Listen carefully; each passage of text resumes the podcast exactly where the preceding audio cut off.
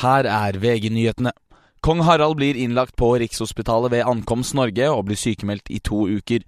VGTVs Kristine Kinne var på flyplassen på Langkawi, Malaysia da flyet med kong Harald tok av med kurs for Norge. Kong Harald er nå på vei hjem til Norge, og like etter klokka ett lokal tid så lettet det medisinske evakueringsflyet fra SAS her på flyplassen i Langkawi i Malaysia. Det siste vi fikk høre var i går. Da ble det kjent at kongen har fått operert inn en midlertidig pacemaker. Dette sies å være en relativt enkel og trygg operasjon, men som skal gjøre det litt tryggere da, for kong Harald på hjemreisen fra Malaysia til Norge.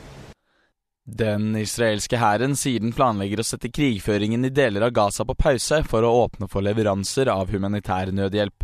Hjelpeorganisasjoner beskriver situasjonen for de 2,3 millioner innbyggerne på Gazastripen som katastrofal. Donald Trump får 48 oppslutning på en ny måling i New York Times. President Joe Biden får 43% det brenner i en traktor på Degernes i Rakkestad i Østfold. Brannvesenet frykter at brannen kan spre seg til bygninger og andre kjøretøy. I studio Knut Peder Gransæter. Nyhetene får du alltid på VG.